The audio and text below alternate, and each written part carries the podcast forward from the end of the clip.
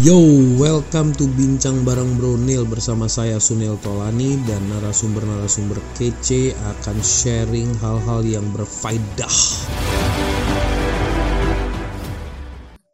Oke guys, welcome Uh, teman-teman. gue hari ini excited banget karena gue hari ini uh, mengundang orang yang gue sangat kagumin. Jadi gue kagumin banget cara dia mendeliver message, cara dia mengeducate, dan cara dia uh, membuka membuka pikiran teman-teman tuh benar-benar bukan dengan cara lebay tapi very very very very guided lebih di guide gitu.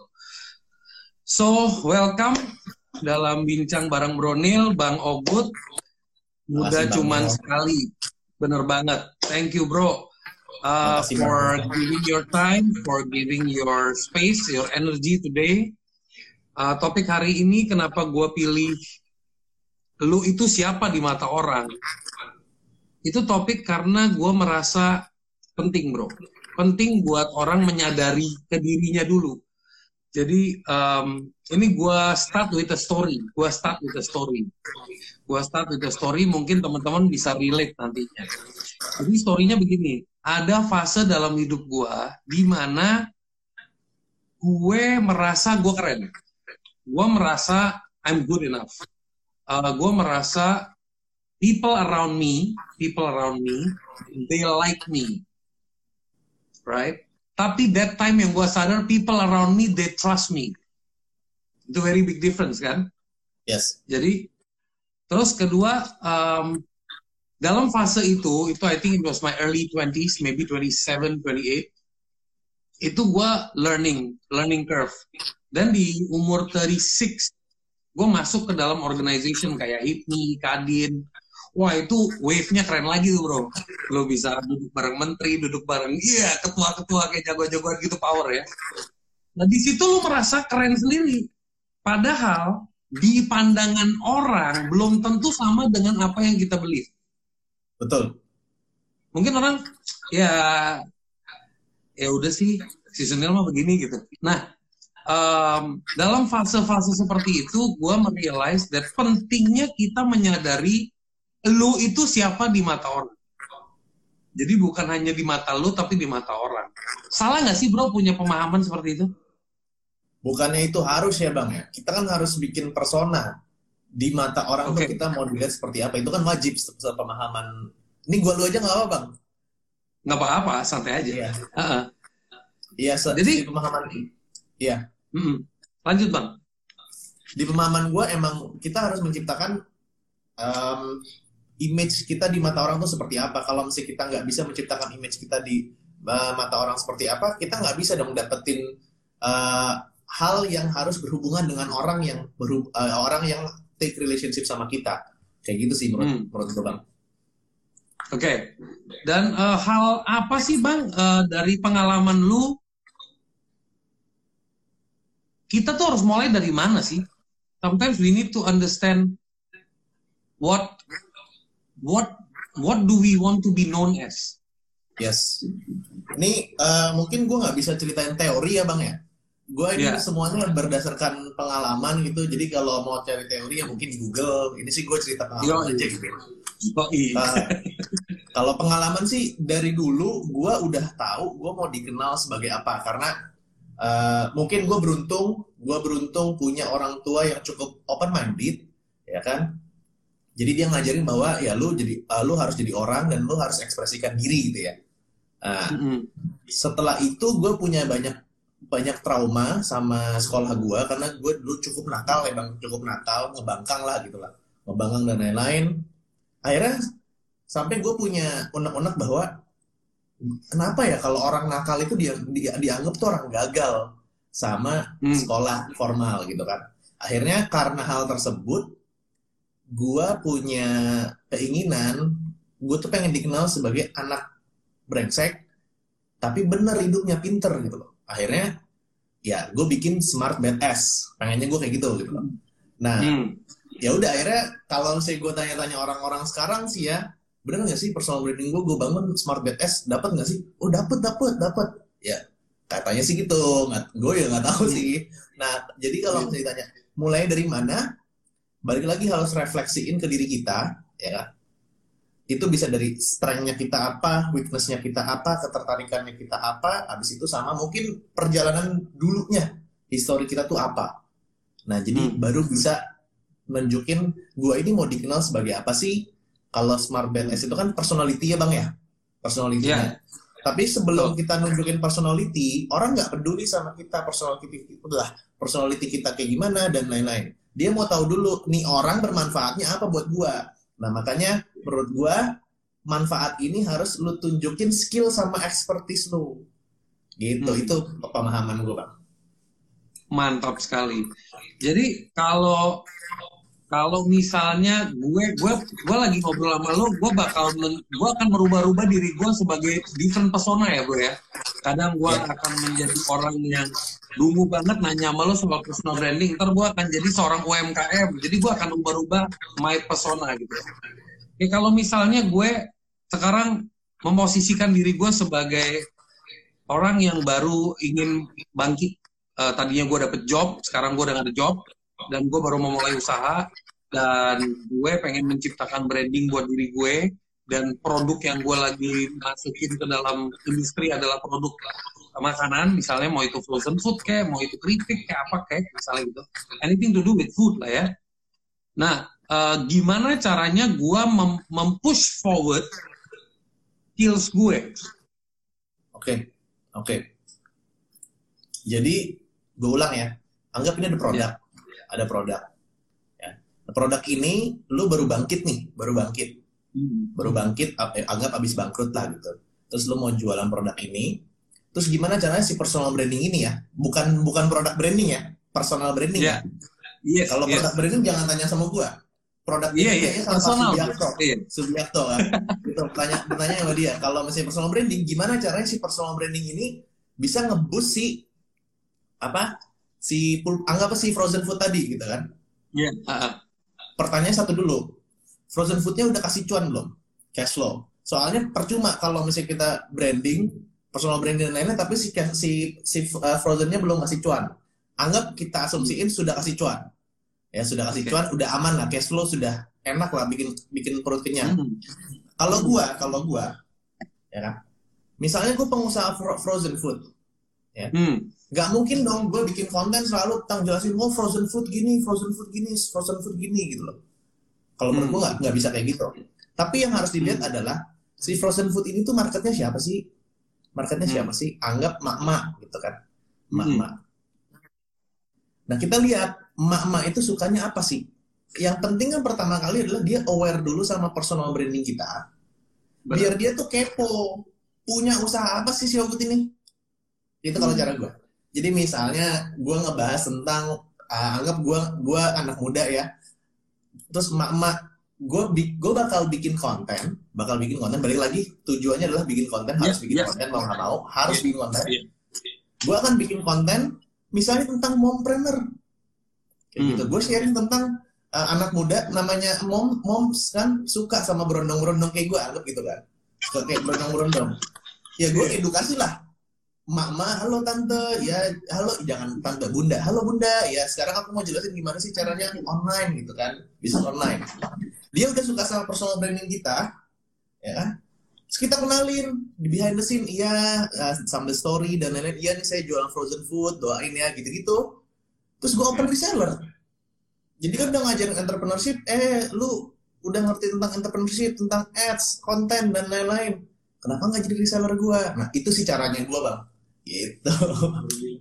Nah, bener nggak? Oke, okay, so guys, ya benar. Menurut gua, menurut gua itu langkah yang sangat smart, sangat amat smart.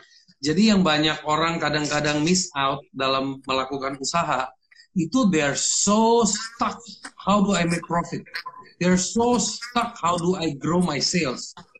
Tapi nggak ada yang really really pikirin how to connect to my potential buyers or potential resellers. Karena Betul. connection is the business, bukan yes. product is the business. Jadi uh, many people get uh, get confused gitu.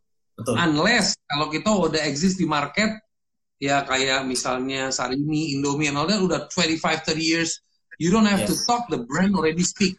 Tapi kalau masih baru, uh, ya gitu jadi uh, ini ada yang nanya nih ya gue udah nggak berondong lagi deh. Lu memberondongkan diri lu lah gitu kan. Bang Nil uh, nah gimana? Bang Nil kan agency kan Bang ya? Ada hmm. agency kan? Ada pasti ada paid traffic ada ada content creation nggak Bang? Ada content creation. Biasanya kalau uh, pengusaha-pengusaha, usaha-usaha ini yang kalau lihat sekarang UMKM itu kan bikin konten tuh rata-rata tuh ya udah fotonya cantik, rajin posting, lighting bagus, produknya dia, betul kan bang? Iya. Biasanya yeah. kayak gitu UMKM. Padahal dibandingin cuman foto-foto kayak gitu, ngapain lu upload tiap hari produk nggak ada produk baru gitu ya? Nah, yeah. aku sering, gue sering kasih saran ke teman-teman gue yang itu daripada lu lu nguploadin produk mulu, mendingan lu cari topik audiens lu sukanya apa, misalnya mama, lu jualannya daster. Coba lu bahas tentang gimana cara didik anak dan lain-lain biar orang-orangnya tuh masuk dulu gitu loh. Itu gue sering kasih lagi gitu. Bro uh, kalau kita ngomongin tentang uh, fase itu gue kenapa ngelakuin live IG seperti ini? Ada reasonnya. Jadi gue selama 10 tahun running maybe more than 10 years running digital agency. Gue udah di fase di mana yang namanya bahasa kasar ya gue pernah nganjing-nganjingin customer gue klien maksudnya bang? Iya. Jadi udah sampai anjing lu bangsat lu gitu artinya lo tapi dalam konteks uh, because I care bukan dalam konteks gue benci. Gitu. Yeah. uh, because I care. Nah yang biggest issue in business is always uh, speed. Jadi kebanyakan orang itu nggak mau lewatin proses. Jadi gimana caranya gue uh, listen uh, bukan listen few years ago I have a friend dia jadi kayak outsource eh bukan outsource dia memang outsource ke kita dan dia punya klien-klien. Neil bikinin desain buat klien gue ini ini, ini ngomong sama tim gue udah. Terus komplain kok likesnya nggak nambah? Kok ininya nggak nambah? Udah likesnya nambah kok salesnya nggak nambah? Jadi kayak objektifnya tuh berubah-berubah bro. Dan mereka tuh nggak menyadari ya kan? Nggak menyadari bahwa semua itu ada fasenya. Oh. Dan gue bilang, kalau lu mau jualan hard selling, lu jangan lewatin yang namanya IG. Jangan lewatin Facebook. Lu hajar aja langsung di marketplace. Linknya marketplace, lu bakar tuh iklan. Udah sekalian lu gas aja all the way. Iya, Jadi, yeah, yeah lu gas, udah lu gas karena itu poinnya adalah lu langsung directly want to create revenue generation. Yes. High gain, high profit, eh high risk, high gain gitu loh. So tapi kalau lu mau membangun sustainability, ya memang yang kayak lu tadi bilang, strategi-strategi ini fungsinya untuk sustain. Untuk yes. membangun loyalty, untuk membangun sustainability, itu strategi-strategi yang barusan lu share coming back to that, gue uh, gue pengen menggali lebih deep soal personal branding. Gue pengen menggali lebih deep uh, pentingnya personal branding. Uh, gue pengen lu kasih share sedikit why uh, kalau kita masuk ke dalam IG itu, apakah kita, contohnya IG is one of the channel, social media channel. Kita speak specifically ke IG dulu Misalnya kita ngomongin IG. Now, do we need to build a brand as uh, Sumil? Or do we need to build a brand as uh, motivasi hebat atau sukses dan kaya? Itu kan ada title-title yang ngomongin motivation gitu kan. Atau niche. Jadi niche-nya mungkin relationship issues atau uh, great relationships misalnya gitu. Lebih niche, lebih subjeknya lebih niche. Itu lebih penting bangunnya lebih ke kolam itu atau lebih ke individunya, bro? Uh, belum ngerti bang, boleh disimpelin ya bang? Belum ngerti. Kita kita perlu bangun nama kita sebagai personal branding itu nama kitanya, atau kita perlu bangun cost purpose-nya kita dulu. Purpose baru nama masih belum ngerti. Behind. Masih belum ngerti. Oke, gue kasih lo contoh. Lo bikin lo bikin nama lo Bang Obut. Mm -hmm. IG lo muda cuman sekali Ya. Oke. Okay. Uh, eh, lu ngomongin tentang personal branding. Bukan ngomongin, uh, bukan mendo, bukan menggunakan ID IG-nya sebagai nama lu. tapi buat muda cuma sepa. Jadi personal branding is about your name atau about your subject gitu. Oh, oke, okay. oke okay, paham paham paham paham.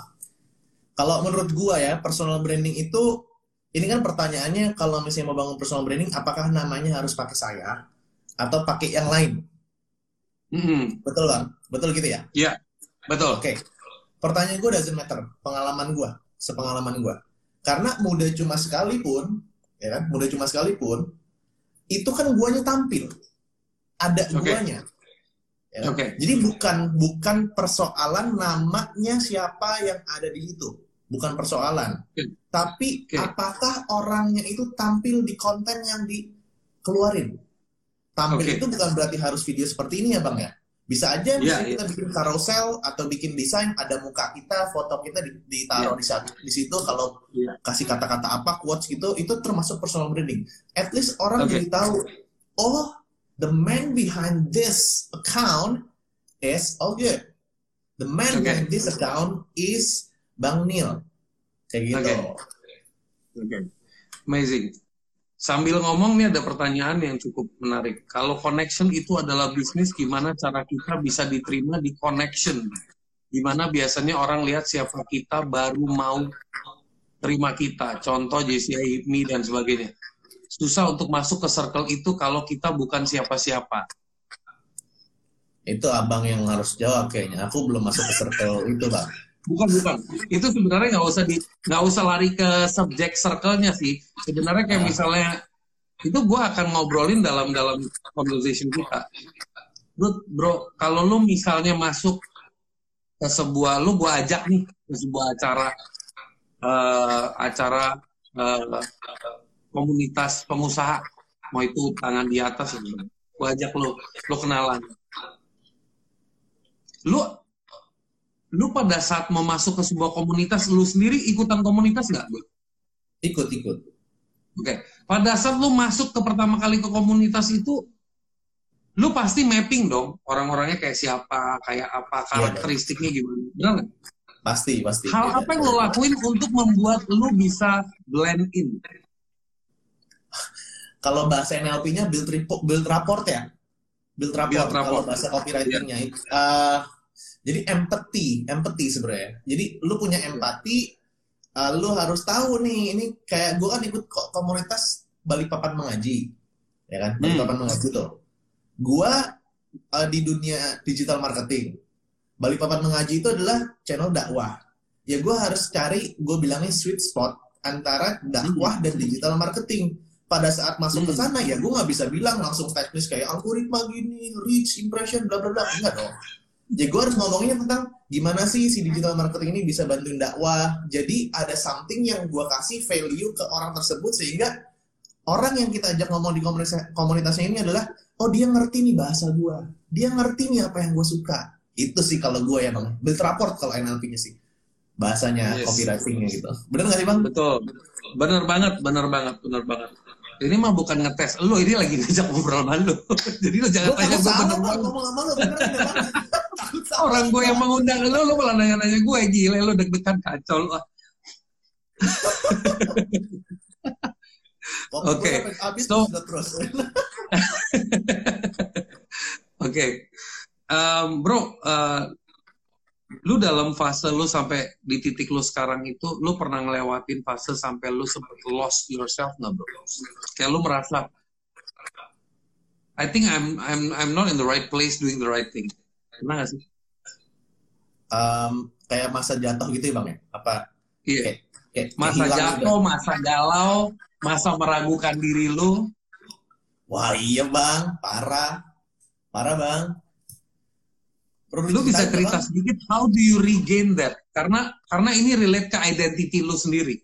How do you oh. relate? Karena pada saat lu mulai mendoubt diri lu, lu down, lu harus regain and re restabilize your identity. Oke. Okay. Gue ceritain dulu masa terpuruk gue tuh ada ada tiga step, tiga step. Ya. Okay. Jadi uh, gue ini termasuk academically uh, inilah. Awesome, awesome. Walaupun nggak sampai ke internasional ya, tapi kayak Gue umur 22 dapat tiga gelar akademik, sarjana ekonomi, sarjana hukum, sama master business administration. Gue. Ini mah smart badass banget, oke. Terus. gue suma, suma cum laude dua kali di S1 yang ekonomi sama di uh, S2 ITB Master Business Administration. Jadi lulusan terbaik. Gue songong songong dong songong terus gue masuk sebuah perusahaan konsultan asal asal Inggris karena ngikutin jejaknya Nadiem Makarim. Gue pikir kalau gue mau jadi pebisnis sukses gue harus masuk manajemen consulting. Walaupun nggak masuk McKinsey. Walaupun nggak masuk yeah. McKinsey. Pengennya sih masuk yeah, McKinsey. Yeah. it's okay it's okay gitu. Ah nggak apa nggak apa kan? Di situ gue langsung ke gampar bahwa kayak anjir gue bukan siapa-siapa di dunia kerja gue nggak bisa apa-apa. Pinter nggak cukup di dunia kerja. Tapi lu jangan hmm. kayak maaf maaf jangan kayak di dunia kerja tuh kita nggak bisa kayak anjing gitu maaf maaf ya. Yeah. maksudnya kayak yeah. teamwork itu tuh penting banget di dunia kerja. Nggak bisa kita egois egoisin dan nggak bisa individualistik individualistik. Di situ langsung kayak ditekan banget keluar. Sampai bos benci sama gua bang. Terus abis -hmm. itu bosnya benci sama gue dan waktu itu sempat semua karyawan naik gaji gue nggak naik gaji. Di situ. Okay. akhirnya gue resign. Gue mikir kayak oke. Okay. lah kalau kalau perusahaan gitu nggak nerima bodo amat gue bikin hmm. usaha sendiri ya uh, hmm. gue mau ngomongnya kayak ke teman-teman gue kayak liatin aja lo gue tai-taiin lo nanti kalau gue udah sukses gitu loh waktu mau usaha mau usaha iya, usaha iya. itu kebetulan gue ini orangnya hemat jadi gue selama 11 bulan kerja gue bisa ngumpulin 80 juta jadi gaji gue tuh okay. gue cuma pakai dua setengah juta satu bulan. Gue bisa hmm, nabung banyak banget. Hmm. Ah, masih nabung banyak banget. Akhirnya gue buka restoran ayam bakar. Dalam hati gue, wih, hmm. entrepreneur nih, anjay, gitu. entrepreneur nih. Padahal di garasi rumah orang, gue ya, cuman berapa kali berapa itu, ya kan, nyewa, ya. Sebulan satu setengah juta, gitu kan. Selama satu setengah, setengah satu setengah tahun, cuman pernah untung profit satu bulan. Oke. Okay. Nah, dalam usaha itu, itu ya? bisa tahan satu setengah tahun iya pernah pernah ya, satu setengah tahun bertahan itu itu karena kita saving buat ini kan operational cost kita hajar sampai setahun setengah kita saving buat yang lain-lain kan jadi aman. Akhirnya bangkrut. Di situ gue drop lagi. Anjir gue ini sampah banget kayaknya.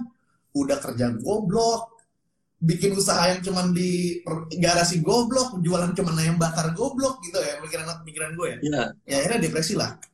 Cuman balik lagi mau sedepresi apa? Depresi ya namanya manusia ya depresi ya sekarang juga. Kadang-kadang gue kalau sales lagi turun harian gitu kan ya depresi juga ya kan.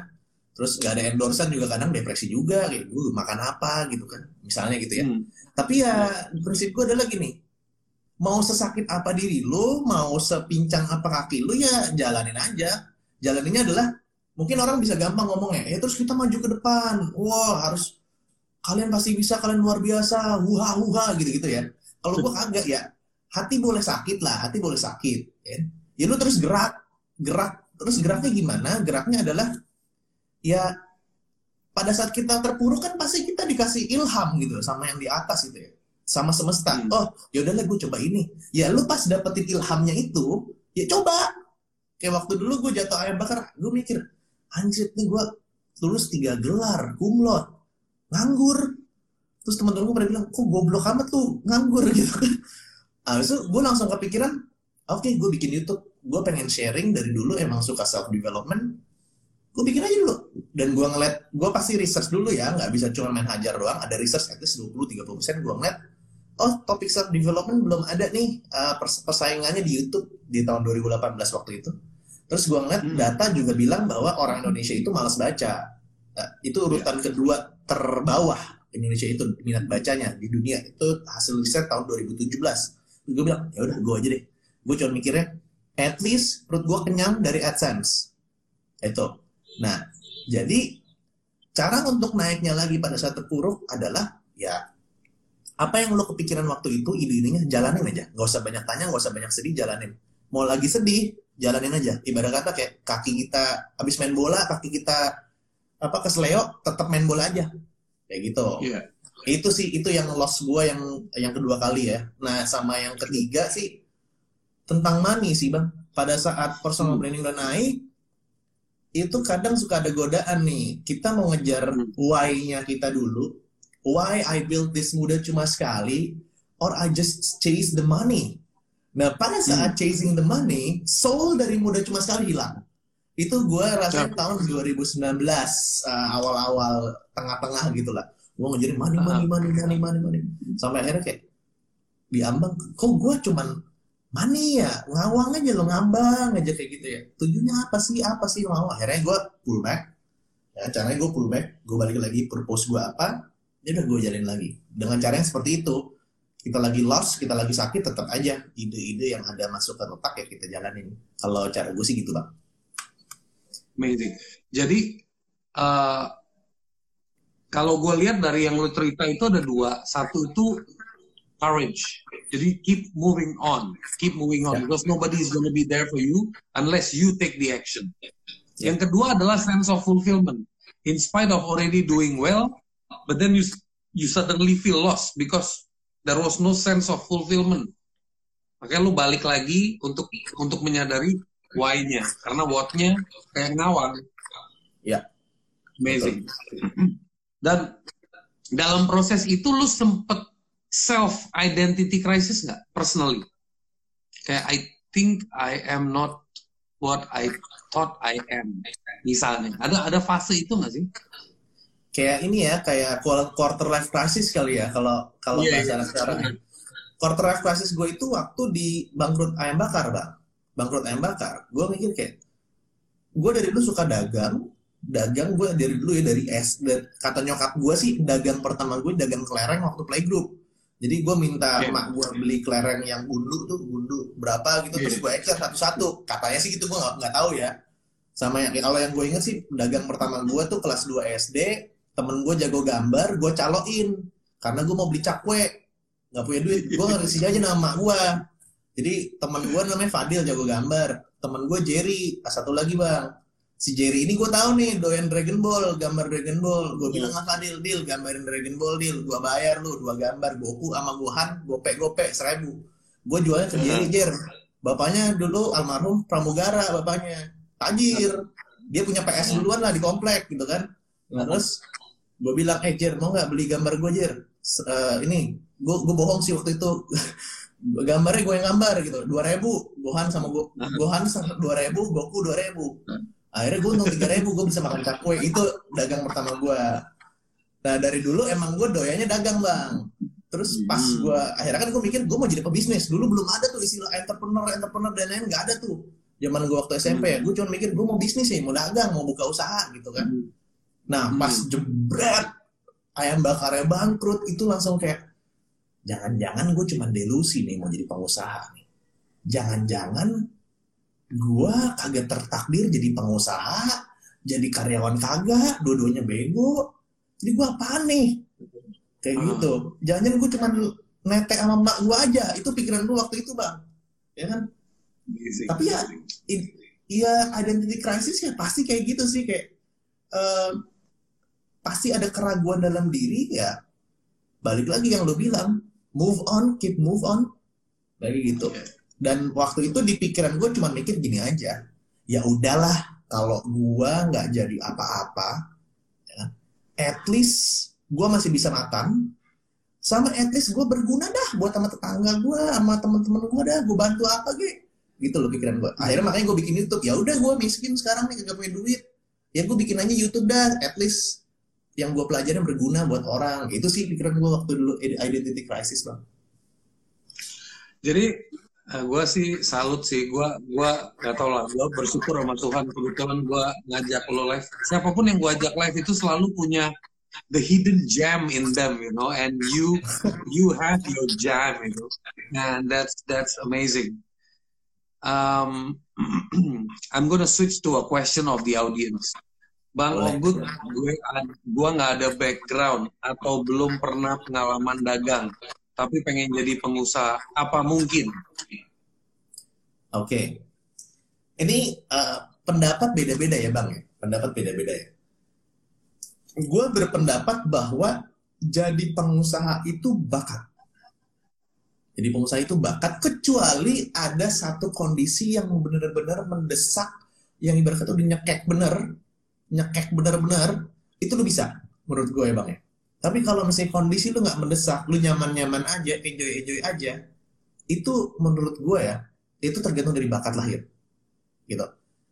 Kalau biasanya apa namanya uh, kalau misalnya orang yang kalau menurut gue udah bakat usaha tuh biasanya doyan dagang dari kecil. Dia merasa mer, gue nggak tahu ya gue nggak bisa bilang gue entrepreneur juga ya gue masih pedagang aja karena gue belum karena menurut gue entrepreneur atau businessman itu ya lu harus sudah punya sistem gitu nggak cuman kalau misalnya dagang cuman sales and marketing kalau menurut gue ya harus ada operational dan lain-lain dan lain-lain dan lain-lain gitu loh jadi huruf ke hilir gitu loh kalau trader itu cuma sales doang kalau menurut gue nah kalau misalnya orang belum pernah dagang coba aja lu dagang dulu, paksain dulu dagang. Gue percaya bahwa semuanya itu kalau mau mulai paksain, sama kayak sholat, sama kayak ke gereja. Sebenarnya mah kita malas. Ya, tapi harus dipaksain hmm. mau gimana gitu. Paksain dagang, lihat lu suka apa enggak, ya.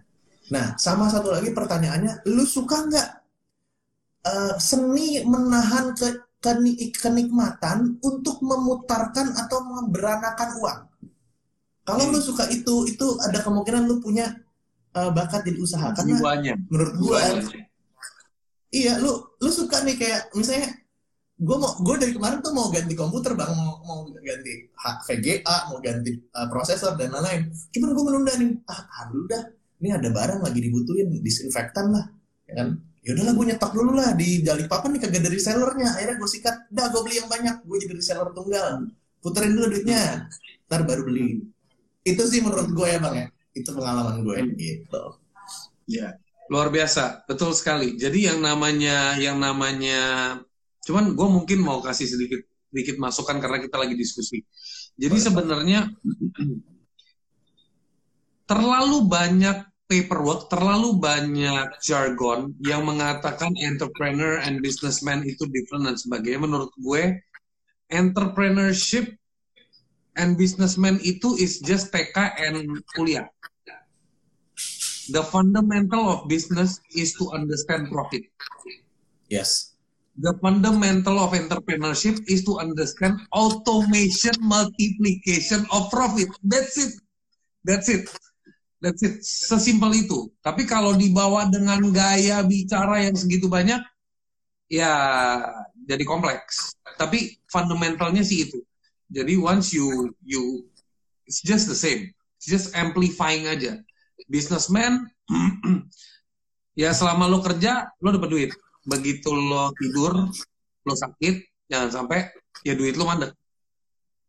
Entrepreneurship sebenarnya lo menciptakan probability of having multiple income stream through an engine through a system. System is engine. Ya, kalau sekarang ngomongin digital ya digital gitu. Kayak lu bikin konten YouTube. Ya sekali lu udah bikin konten abadi aja kan. Kalau ada yang nonton nonton aja udah gitu ngerti lu. Jadi kayak gitu aja udah gitu. Iya gitu kan. Dan uh, tinggal if you work on it then you you tweak then you work on it, you tweak, you get more traffic. But if you leave it, you don't optimize it, ya udah segitu-segitu aja. That's that's that's the same thing with life. Sama satu lagi main boleh bang? buat yang tadi nanya nanya belum bakat dagang hmm. coba dagang terus kalau misalnya ada customer nawar atau atau atau bilang kok barangnya jelek? Atau kok bilang bilang kok di sini lebih murah? Kok di sana lebih murah? Coba lihat lu kesel apa lu malah seneng ditanya kayak gitu? Kalau gue malah seneng. Gue ini kayak oke okay, lu pasti beli sama gue nih. Kalau gue mikirnya gitu lu pasti beli sama gue nih. Tertantang ya? Seneng itu artinya iya. tertantang ya? Iya. Iya kayak lu pasti beli nih sama gue nih. Liatin. Buat terus pernah ada ada orang kan kalau ditawar bang kok harganya mahal ya bang ya? Nggak bisa kurang. Orang langsung kayak ah ini orang gue udah kasih harga kok ditawar ya kan? Gue di situ malah seneng kayak oke okay, kita ngadu-ngadu ngadu-ngadu bacot nih siapa yang kalah nih? Guys yang kalah bukan makanya gue menang gue hebat ya tapi siapa yang beli lu jadi beli apa kagak? Kalau aku kalau gue bang gue selalu nanya gini oh iya ya aku ngerti sih kalau misalnya nawar ya kak tapi boleh tahu nggak kak kenapa ya ditawar langsung kayak e, e, e, ya enggak sih uh, aku belum ada uangnya aja. Oh ya udah nggak apa-apa kan DP dulu. Jadi dia gitu. Nah ini tuh seninya gitu sih menurut menurut gua bang ya. Gitu. betul sekali. Amazing amazing. Ini uh, oke okay, coming back to personal branding but before gua kadang-kadang ngelihat orang yang ketik panjang-panjang begini kalau gue cuekin kayak kurang ajar gitu. Boleh boleh bang boleh. Oke, okay, ini ada satu lagi nih. Assalamualaikum Bang Ogut, saya baru tahu abang di IG sejam yang lalu selewat doang. Terus nggak sengaja kepencet dan saya nggak sengaja nonton personal branding dan wow, amazing banget. Oh, itu bukan pertanyaan. Komplimen. Oke. Okay. Waalaikumsalam. Waalaikumsalam. Oke, okay. ini belum ada yang question, kebanyakan komplimen. Oh ada nih, Bang mau nanya, apa betul kalau memulai usaha itu modalnya duit sama nekat? Bang Nel mungkin boleh jawab Bang Nel. Dia kan nanyanya ke lu bro. Oh, gue ya. Lu kan tamu gue satu. bro, gimana sih lu bro? Jawaban gue cuma satu, kalau belum ada modalnya modal calo. Itu oh, dari ya? dulu gue gitu, calo, the power of calo. Iya. Yeah. Mending dagang atau jadi youtuber? Mana? Mending dagang atau jadi youtuber? Tergantung kondisi. Kalau sekarang gue mending dagang. Oke. Okay. Alasannya kenapa sekarang lo mendingan dagang? Kenapa nggak jadi youtuber?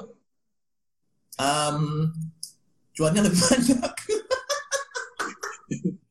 Tuh ada Bro Fardiani. Welcome Halo, Bro. Iya. Temen gue itu. Ya. Terus uh, cuannya lebih banyak ya Black. Nah ini dia. Dosen audit saya. Oke, okay. Bang nanya apa betul kalau mau mulai usaha itu modal waktu tadi udah. Personal branding tadi itu lebih bagus memakai nama sendiri atau nama brand? Udah tadi udah dijawab ya. Nanti bisa nanti bisa nonton di replay. Oke. Okay. Aku sering jadi marketing di salah satu koperasi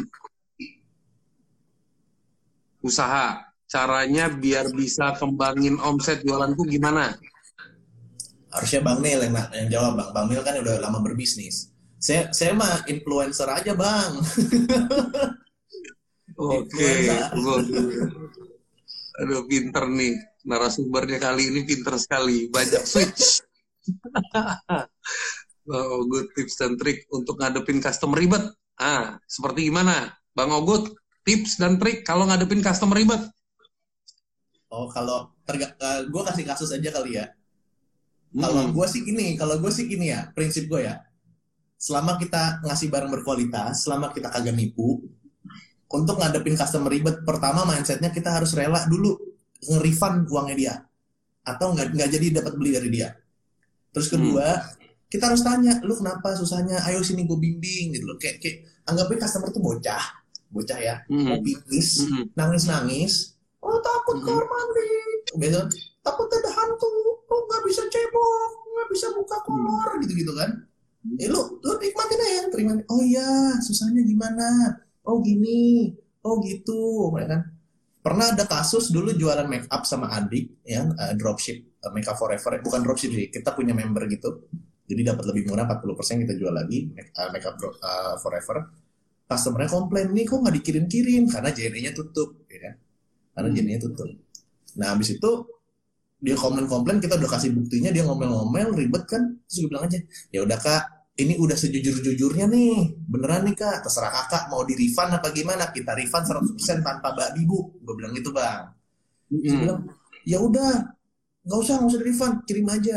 Besoknya pagi-pagi kirim. Sebelum ditanya sama dia langsung gue kirim. Nih kak reaksinya ya kak. Kemarin mohon maaf karena JNE-nya tutup. Nah setelah itu jadi customer abadi tuh uh, apa transaction cost-nya per transaksi itu tinggi jadinya. Nah, kalau pengalaman gue, customer-customer tuh yang dikit-dikit udah mau nggak percaya, tapi kita kasih service mantep jadi percaya bener. Itu pengalaman gue sih. Bro, gue masuk lagi nih ke topik personal branding biar nggak terlalu jauh lagi ke dagang. Oke, okay. Uh, personal branding itu menurut lo apakah harus diban di selalu dibangun melalui sosial media apa juga bisa dibangun dengan berinteraksi dengan customer kita dan orang-orang okay. di sekeliling kita. Oke, okay, kalau kayak gitu berarti kita ngomongin apakah personal branding itu harus online? Betul nggak, Pak? Iya. Yeah. Jawabannya enggak. Sebelum on, sebelum ada personal branding online pun kita udah harus kita udah punya personal branding untuk offline. Sebenarnya kalau misalnya nanya tentang branding, kita dikasih nama sama bapak kita juga udah ada brand itu udah cap gitu. Pak, oh ini si Om oh ini Bang okay. oh ini Bimas gitu kan. Nah, hmm. tapi kalau zaman dulu personal branding offline itu cuma medianya doang beda. kalau zaman dulu medianya kita sering nongkrong sana, nongkrong sini, nongkrong situ, nongkrong sana. Akhirnya kan kita punya tuh teman-teman yang oh tukangnya tukang pelit rokok kalau zaman dulu ngerokok tuh. Kalau punya rokok beli sebungkus di diumpetin gitu, ngambil sebatang, sebatang. Nah, itu personal branding tuh. Oh, ini tukang nganterin pulang, personal branding gitu kan. Nah, kalau di online kalau di online bedanya medianya aja. Kalau kita nongkrong itu fisik kita jalan di offline, kalau di online itu ya kita pakai algoritmanya si Instagram itu nyebarin tentang message-nya kita. Jadi okay. kalau misalnya ditanya uh, itu ada dua kan. Kalau misalnya ditanya apakah on apakah personal branding itu harus yang buat konten atau interaksi, dua-duanya bisa. Tapi kalau okay. sekarang dari kita bukan somebody, ya kita paling enak bikin konten karena kita dibantu sama algoritma dan internet. Penyebarannya cepat banget dibandingin offline gitu sih. Oke. Okay. Dan uh, kan kalau dengan mental dagang atau dengan mindset pedagang trader itu kadang-kadang kita selalu hidup dalam zona fun challenge. Fun challenge itu artinya kadang-kadang kita ngomong di price competitiveness, service competitiveness. Tapi kebanyakan gue perhatiin kayak saudara gue yang punya toko tekstil, uh, Bombay kan identik dan tekstil. Ya. Jadi uh, gue kalau ngobrol sama dia lu kenapa sih harus begini oh nggak bisa bro pelanggan gue akan kabur semua gue beda harga cuman teceng aja bakal kabur semua gue bilang kenapa begitu banget sih lu tapi dia selalu hidup dalam zona itu bro jadi hmm. kompetitif banget. Dan uh, dia nggak bisa menciptakan yang namanya zona uh, nyaman di mana si pelanggannya bayar lebih, lebih mahal seribu atau dua ribu perak itu akan stick by them gitu. Nah di situ personal branding matters nggak bro uh, matters matters banget. Matters, matters banget. ya simpelnya Apple aja lah. Apple sama yang lain gitu. Ya. Yeah. walaupun Apple brandnya juga udah kuat ya tapi gue beli Apple karena gue suka sama karakternya si Steve Jobs yeah. itu kalau gue ya personal branding yeah. itu matters karena contohnya ter, karena personal branding kalau udah jadi itu dia build trust sering nggak sih kita ke toko toko uh, apa ya gue gue sering ke kalau rumah gue asli aslinya rumah gue di BSD gue sering ke toko ke Lipo Karawaci di center ya. Kan? gue cuma ke satu toko doang karena gue udah kenal sama Mbak Yanti namanya. Mbak Yanti. Hmm. gue nyari handphone apa casing apa walaupun dia nggak jualan casing gue cuma bilang Mbak cariin gue casing ini. Mbak cariin gue ini. Karena gue udah percaya sama Mbak Yanti. Lu lebihin hmm. lebihin dah nggak apa-apa Mbak. Yang penting gue percaya dari lu karena gue tahu lu ngasih gue barang bagus. Ah gitu Mbak. Hmm Oke, itu ya. Mungkin teman-teman juga yang yang mengalami uh, issues bisa nangkep. Cara simpel menentukan personal branding, Bayu Boso tadi sudah dijawab. Lebih ke relate ke karakter kita, skill kita, passion kita, sama what we love to do. soal aku kerja di koperasi yang sering dapat calon konsumen sering ngejanjiin mau ikut tapi endingnya nggak ada kabar bang nah itu coba tuh. Mana? Kalau gue sering di post upload eh mana bang ya? Nggak nggak bukan bukan. Uh, soalnya aku yang tadi yang koperasi yang lu suruh gue jawab. Kan di skip tuh dia jawab lagi tuh. Soalnya aku kerja di koperasi itu sering dapat calon konsumen. Sering ngejanjiin mau ikut tapi endingnya kagak ada kabar bang. Um, dia di PHP-in customer bukan customer di PHP-in sama dia. Benar-benar. Uh, eh, kalau misalnya kayak gitu berarti kita lihat dulu sebelum kita biasanya ya ini gue belajar di Mas Didi Santoso nih bang kita lihat hmm. dulu dia uh, false beliefnya tuh apa sih karena kadang-kadang kita di, di Indonesia itu kita ngomong iya itu cuman biar lu nggak ngerasa lu nggak ngerasa tersakiti aja iya di gitu. sini banyak banget Iya kayak, eh lu mau jadi nggak? Iya, iya nanti ya, iya nanti. Nggak enak kan? Ngilang, tiba ngilang gitu.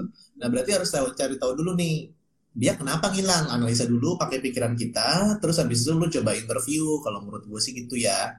Atau hmm. mungkin nawarinnya ke orang yang tidak pas dengan target market. Hmm. Iya. Yeah.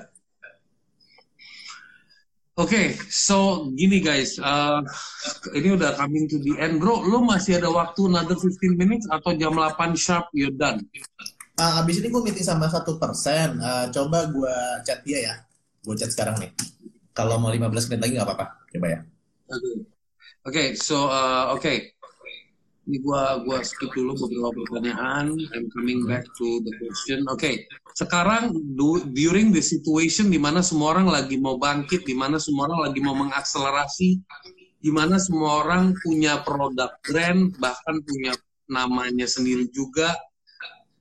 Apakah uh, gimana caranya meningkatkan self confidence mereka untuk believe bahwa lu tuh unik dan lu masih punya room to be kompetitif dibanding yang lain. Gimana cara naikin self confidence, belief, punya kita jadi kita bisa punya ngerasa kayak oh gue bisa nih uh, compete yeah. sama orang lain gitu ya. Iya. Yeah. Uh, gue nggak tahu gimana cara menyemangatinya teorinya gimana gue nggak tahu. Tapi prinsip gue adalah gini. Namanya ragu sama diri sendiri pasti ada. Prinsip gue adalah paksain. Prinsip gue selalu itu paksain. Karena nanti pada saat di tengah jalan percaya dirinya itu masuknya kalau gue dari tengah jalan gue paksain dulu tak tak tak tak tak tak tak, tak. asli sebenarnya gue mau mau mau live sama lu ini gue deg-degan bang. Asli kagak aduh gue takut jawab atau apa. Tapi ya udah gue paksain aja ntar ngalir aja gitu loh karena ya udah yang yang paling jelas sebelum lu go ya lu belajar dulu lah ada ilmunya dulu lah tapi confidence-nya itu didapetin dari dari perjalanan gitu sih ya bahasa gue dulu itu ke teman-teman gue itu fake it till you make it jadi ya, betul. you fake your confidence lama-lama lo jadi confident beneran fake it betul. till you make it Cuman Jadi banyak orang habis itu gue ya. stop. Gue stop menggunakan kalimat itu karena banyak negative meaning. Jadi oh berarti you are a fake guy gitu. Maksudnya fake your your you you reprogram your mind. Gitu. Oke. Okay, gue masih uh, bisa 15 menit lagi. Uh, perfect. Ya gue 20 15 ke, uh, ke ininya. Oke. Okay. So bro, uh, kasih guideline dong bro. Kalau sekarang teman-teman uh, stuck dan mau coba membangun channelnya masing-masing, membangun industri masing-masing, kira-kira niche niche apa yang menurut lo marketnya masih luas? dalam topik-topik apa yang atau industri apa yang menurut lu individually nggak harus uh, ini ini jawaban lu bukan diklaim benar tapi jawaban lu itu diklaim sebagai perspektif lu. Oke, ini pertanyaan berat nih karena gue nggak nggak nggak selalu nggak selalu analisa ini ya uh, industri-industri ya. Oke, industri apa? Pertanyaannya gue ulang, industri apa yang sekarang masih hijau gitu kan. Bisa industri, bisa topik, bisa uh, niche, up to you bro. Okay. Contoh, pendekatannya itu kita bisa cari yang niche-nya makin makin tajam atau niche-nya sebenarnya sama tapi kita kemas berbeda. Contoh kayak kita apa namanya kita um, gue ngomongin tentang Instagram ada yang ngomongin kayak Nico Julius, Nico Julius ngomongin tentang Instagram kelas optimasi, ya kan? Ada lagi pasti yang ngomongin Instagram buat online shop atau apa gitu. Nah, itu gue ngambil pisahinnya dengan cara bukan makin mempersempit niche-nya, bukan. Tapi gue kemas dengan cara lain dengan gue bilangnya adalah personal branding. Ya kan, kayak gitu. Nah, materinya juga pasti beda. Kalau misalnya mungkin punyanya Nico, analitiknya kencang, kuat. Gue biasa aja analitiknya tapi gue ngambilnya lebih ke oh, oke okay, psikologinya gimana kayak gitu personalitinya hmm. gimana hmm. itu kayak gitu nah hmm. kalau misalnya gue kasih tips langsung aja ya contoh sekarang banyak banget um, orang bikin konten tentang gemuk jadi kurus. Tapi balikannya dikit kurus jadi gemuk dikit. Satu. Terus konten-konten tentang olahraga olahraga di rumah masih sedikit.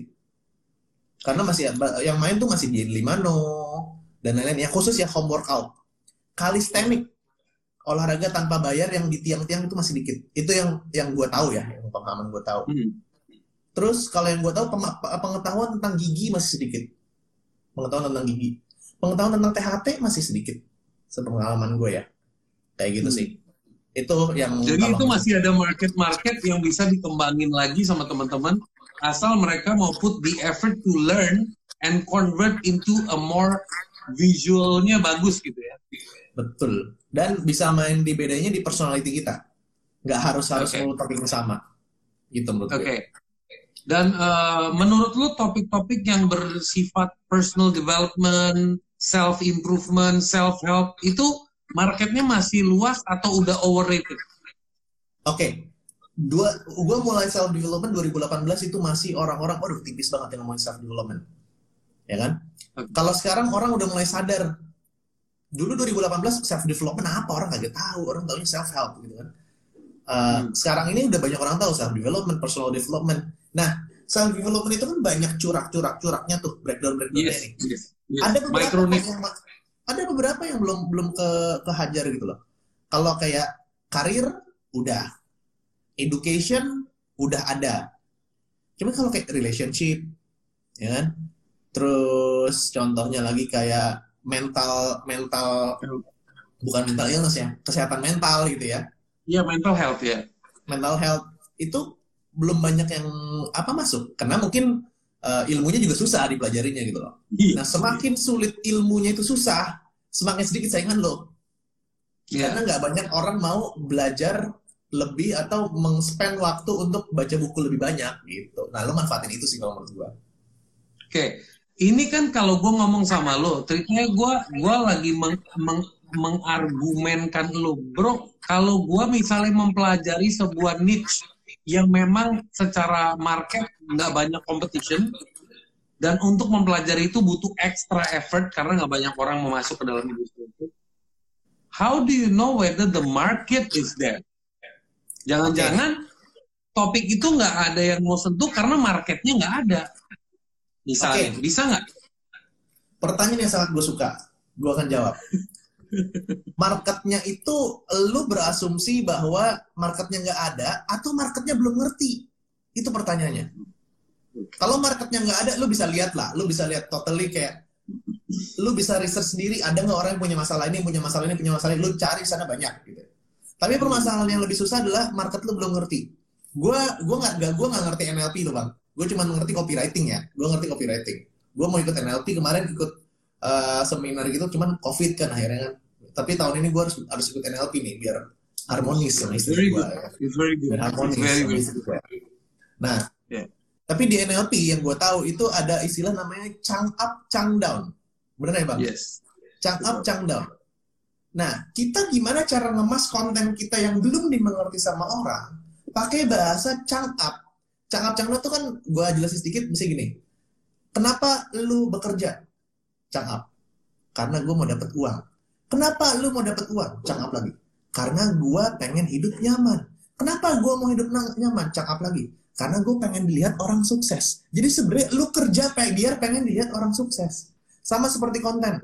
Kalau gue ngomongin tentang personal branding gak semua orang ngerti nih zaman zaman sekarang tentang personal branding. Tapi kalau misalnya gue ngomonginnya cari uang di Instagram orang ngerti Nah makanya pakailah headline-headline, bahasa-bahasa, jargon-jargon yang orang nggak pusing dengan pakai yang cakap hmm. tadi. Itu sih yeah. pemahaman gue bang ya. Iya. Jangan jangan mendadak ngomongin mental illness through neuroscience technology orang pasti nggak what the heck gitu kan. Betul. Emang lu Daniel Kahneman no? Jadi gue gue gue gue bangun uplift project itu sedang gue rintis dan memang salah satu subjeknya mental illness. Uh, salah satu subjek yang akan gue bantu. Jadi kebetulan ada ada yayasan namanya NLI, NLI. Neuro Leadership Indonesia. Jadi hmm. memang dia fokusnya ke situ. Cuman kebetulan teman-teman gue yang di situ ya professors. So they speak the professor's language. Yeah. Now yeah. my job is to translate into the gaul language. itu text effort. Berat itu yeah. Yeah, so yeah, that's one of the things that I'm working on. Okay, that's interesting. Thank you so much. Okay, it's uh, now we are going back to. I'm gonna switch off and switch on. It's 56 minutes. I'm gonna switch off and switch on the live. Teman-teman, uh, please uh, persiapkan pertanyaan because we only have 15 minutes more with this amazing person. Gua akan switch off, bro. Nanti gua akan switch on again ya. Ya, oke. Okay statement. Are you the type who likes to lead or follow the crowd? Aku follow apa lead? Lead. Oke, okay, good. Ya udah, cukup. Next adalah why should anybody listen to you, bro? Ini udah rapid fire round, di mana okay. sambil nungguin pertanyaan, gue tembak-tembak lu beberapa pertanyaan yang quick answer saja. Because I have the data and I know how to explain it in a simple way. Amazing. Do you like to try new things? Of course, except drugs. Amazing. What makes you indispensable? Bang, gue lupa indispensable artinya apa, Bang? Tidak bisa digantikan. Uh, Cause I'm smart badass. Oke, okay, amazing. Gitu, bro. Guys, kalau nanya pertanyaan tuh tembak-tembak gitu. kalau atasan nggak peduli sama company branding gimana? Nah, ini kita mulai masuk pertanyaan. Mana tadi? Uh, kalau atasan nggak peduli sama kalau atasan nggak peduli sama company branding bagaimana ya? Kalau gue jadi bosnya sih gue pecat ya. Eh, kalau lo jadi bosnya oke, okay. atasan yang lo pecat. I Iyalah. fire my employer gitu. Iyalah. Uh, How? By quitting the job. cuman ya balik lagi ke Andika ya uh, harus realistis ya ke sana lu cuman cari cuan apa emang mau dukung perusahaan 100% gitu kan nggak tahu hmm. kalau cuma cari cuan ya udahlah kalau buat kerja aja ya kita nggak bisa ngomong jadi saint gitu atau jadi monk gitu yang ngomong wise terus kan enggak gitu kalau menurut gue ya hmm. hmm. oke okay. sambil sebelum nanya yang satu lagi what are you best at best bang Obut what are you at what are you best at I'm best at speaking good Nothing is right, nothing is wrong. That's the key. Yeah. That's the fun part of this questioning. Menurut Abang, bolehkah kita membuat konten walaupun belum expert di bidang yang ingin dipublikasikan? Boleh, asal one step ahead, one chapter ahead dari majority of the people, and you have data. That's it, source. Okay, cool. Oke, kasih aku alasan kenapa aku harus resign dari kantor saat pandemi corona dong, Kak. Hah? Gak tahu, gue gue belum gue nggak tahu lu secara seratus gimana. Kan gue suruh alasan-alasan resign, lu resign kagak makan, lu marahin gue gimana? Oke, oke. Bagaimana bikin orang kepo sama personal branding? Tunggu, ntar nih. Bagaimana bikin orang kepo sama personality yang kita buat? Nah, itu ah, itu ada pertanyaan bang, Mas Ogut no drugs, so obat alkohol, alkohol, rokok, vape, drugs, eh, drugs, drugs nyoba nyoba dulu lah ya. Berhenti semua udah.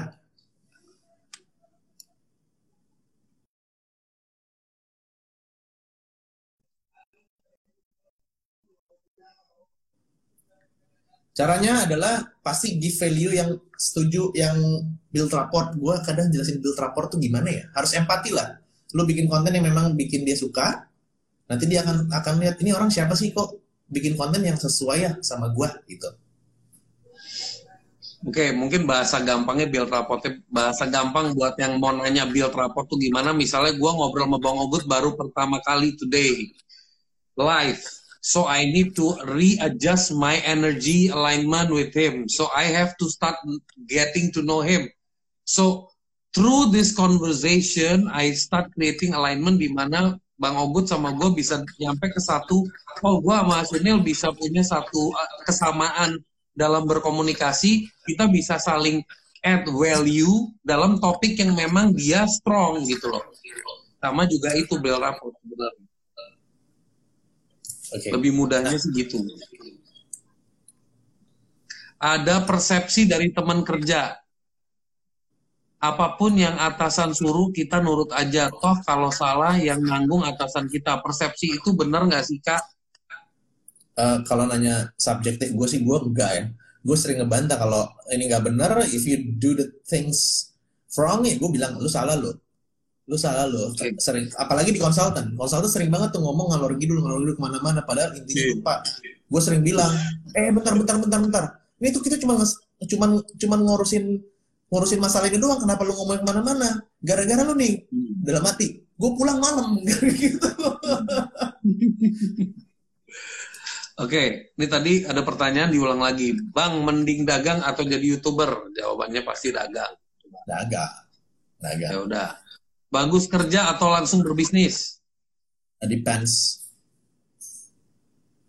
Depends on what? Nyali, kenekatan, modal, what? Pengalaman dagang, skill negosiasi, connection, terus okay. habis itu uh, kondisi keuangan. Kalau misalnya lu kondisinya lapar, uh, lu harus kerja buat makan. Kalau nggak lu mati, ya, ya lu kerja lah. Terus habis itu okay. dagang, ya realistis lah. Siap. Om Ogut buat personal branding anak umur 7 tahun apa ya? Cewek apa cowok? uh, belum tahu jawabannya. Belum jawab yeah. jawabannya dan belum mikir, belum mikir.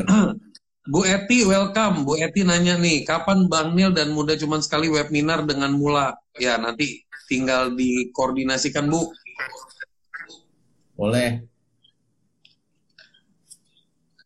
Bang Ogut, gue jualan merchandise artis, tapi yang order masih terjangkau.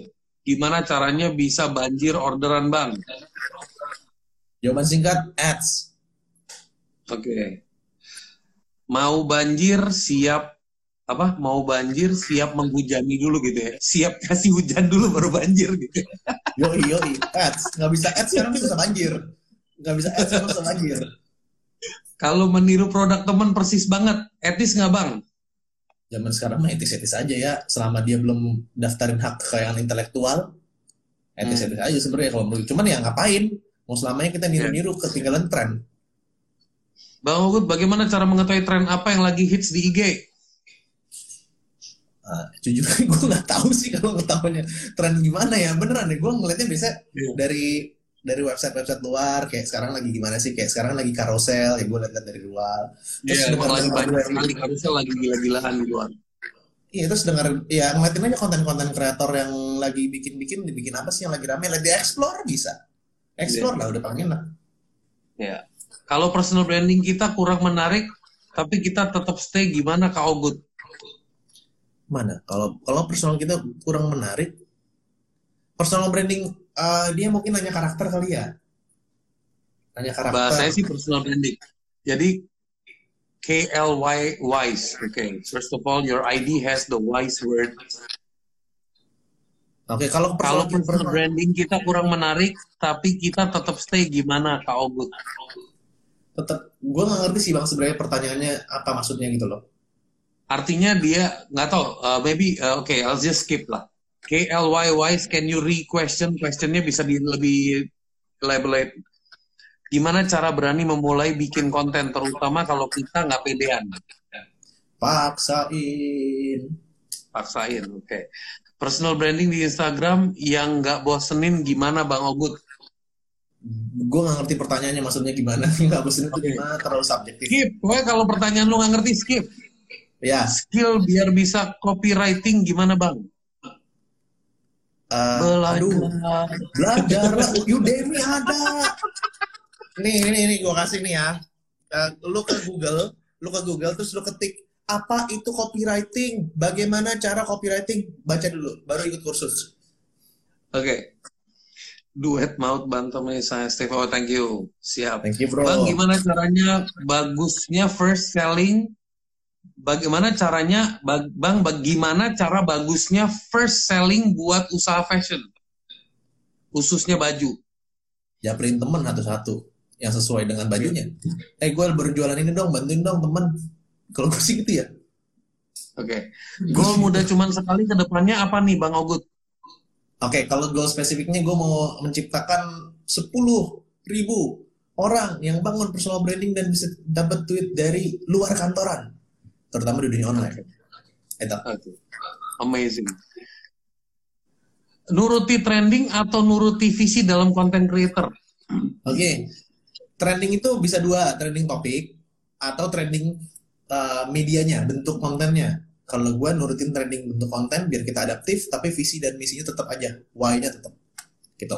Okay. Cara dapetin koneksi apa harus ikut seminar-seminar? Kalau mau yang yang terfilter, ya ikut seminar, cepet. Gue ikut seminar Mas Denny Santoso dulu 12 juta, koneksi gue langsung kayak wow, ya udah gitu. Ya, betul sih. Sometimes uh, many people nggak understand that part. Jadi kadang-kadang ya gue ikut 12 juta, kelasnya kurang begitu berguna. Tapi dia lupa koneksi yang di situ juga berguna. benar, benar banget. Yoi. Uh, cara keluar dari zona nyaman kau good kayak kita udah nyaman dengan pekerjaan tapi pengen buka usaha tapi takut nggak sukses usaha kita. Kalau lu, gue agak takut sih ngasih-ngasih kayak gini nanti ditelan mentah bang misalnya ya dia harus kerja buat makan gitu terus gue bilang, oh paksain, paksain. Besoknya dia berhenti kerja kagak makan kan puyeng. Ya, lihat kondisi dulu lah. Kalau misalnya lapar, lu harus makan, lu nggak bisa kalau nggak bisa nafkain orang kalau misalnya nggak kerja, ya lu tetap kerja terus bangun usaha pelan-pelan, cari aja dagang-dagangan dulu. Tapi kalau misalnya lo pulang nasi ayam sayur bisa makan tiga kali sehari enam bulan setahun masih aman mak lo bisa kasih. Get out sekarang kejar yang lo mau. Gue sih gitu ya. Oke. Okay. bahasanya supaya lo nggak siapa nih yang nanya tadi ini. Bahasanya biar Christian Jos nggak kacau hidup itu sebenarnya simple yang ribet itu lo jadi kalau lo itu bawaannya gak nyaman ya udah lo stay di tempat yang nyaman. Harinya lo merasa terpanggil untuk keluar dari zona itu baru lo loncat. Udah lo gak perlu advice orang gitu. Iya betul. Bang Ogut pada awalnya udah cuman sekali audiensnya udah langsung fokus ke personal branding kah Bang? Atau pas di tengah jalan baru audiensnya diubah jadi untuk personal branding Pertanyaan bagus. Yes, dirubah. Yeah. Karena kalau misalnya lo pernah baca buku Zero to One Peter Thiel, cara untuk kita yes. bisa kita tuh bisa merubah kayak Amazon, Amazon itu jualan buku awalnya. Tapi sekarang yeah. semua dijual sama dia. Dia kan buku yeah. dulu, terus baru kaset, baru uh, audiobook kalau nggak salah. Nah, gue pertama yeah. kali buku, interview kerja dulu. Gue pertama interview kerja dulu, biar orang tuh, oke, okay, lo bisa dapat kerja. Dan terus gue ngeliat ada pesaing nih, si Eza, Eza Azami namanya karena di HR juga groundnya lebih banyak gue exit gue bikinnya ya after office-nya kalau lo nggak suka sama kerjaan lo ya gimana itu kalau gue gitu cara hmm. oke okay. bang jurusan di SMA SMK atau jurusan apa yang lebih ke belajar dagang belajar dagang mah kagak ada di sekolah lu ambil barang dari siapa dari warung lu bawa ke sekolah lu jual itu aja itu belajar di situ oke okay. Okay, guys, I have to stop. It's uh, one and a half minutes left because my bro has another event. He needs to breathe. Okay. Makasih lo bang, so, udah diundang. gue yang thank you. I should do part two with you, more, more deep, more, more uh, formatnya lebih. Thank you guys for listening. Thank you Bang Ogut for sharing an amazing insight And I, I, I pray semoga lu bisa inspire banyak orang. Semoga bukan 10 ribu tapi 100 ribu orang yang berhasil Amin, membangun bang. personal branding dan bisa mendapatkan berkah. Keep Amin, doing what you're doing and uh, I don't know what else to say. Amazing, you're amazing. That's it. Thank you so much. banyak Bang Nil udah diundang Bang Nil. Sebuah kehormatan dan kalau lu tahu ya, gue nyatet-nyatet dulu apa yang mau gue omongin sebelum diundang sama lu. Gue analisa lu, gue takut salah ngomong gitu ya. Tapi thank you banyak Bang. Gue udah kenal lu dari si Victoria Wong, si Vicky nginterview lu oh. tentang yang penjual value sama penjual udah. Nah, gue gue nonton itu lo. Iya. Alright. Semoga kita so, jadi silaturahmi ya Bang ya. By the way guys, let me tell you something. No matter how smart you are, even seorang Sunil bisa ikut course-nya Bang Ogut. So, there is nothing wrong in learning at any given point. Yes. That's the ultimate point. Oke? Okay? So, buat teman-teman Ogut, follow Bang Nil. Follow Bang Nil wajib. Nah, ini banyak live live gokil. Yeah. Siap. Dan nonton ini ya ulangannya Bang ya. Siap. Thank you, bro. Good luck. Thank you banyak Bang Nil. Semoga kita ya. jadi semuanya. Thank you. Thank you semuanya. Alright, sekian untuk episode hari ini. Ingat follow IG gue Neil Tolani. Stay tune terus di podcast gue. Semoga menjadi manfaat buat kita semua. Rise and shine.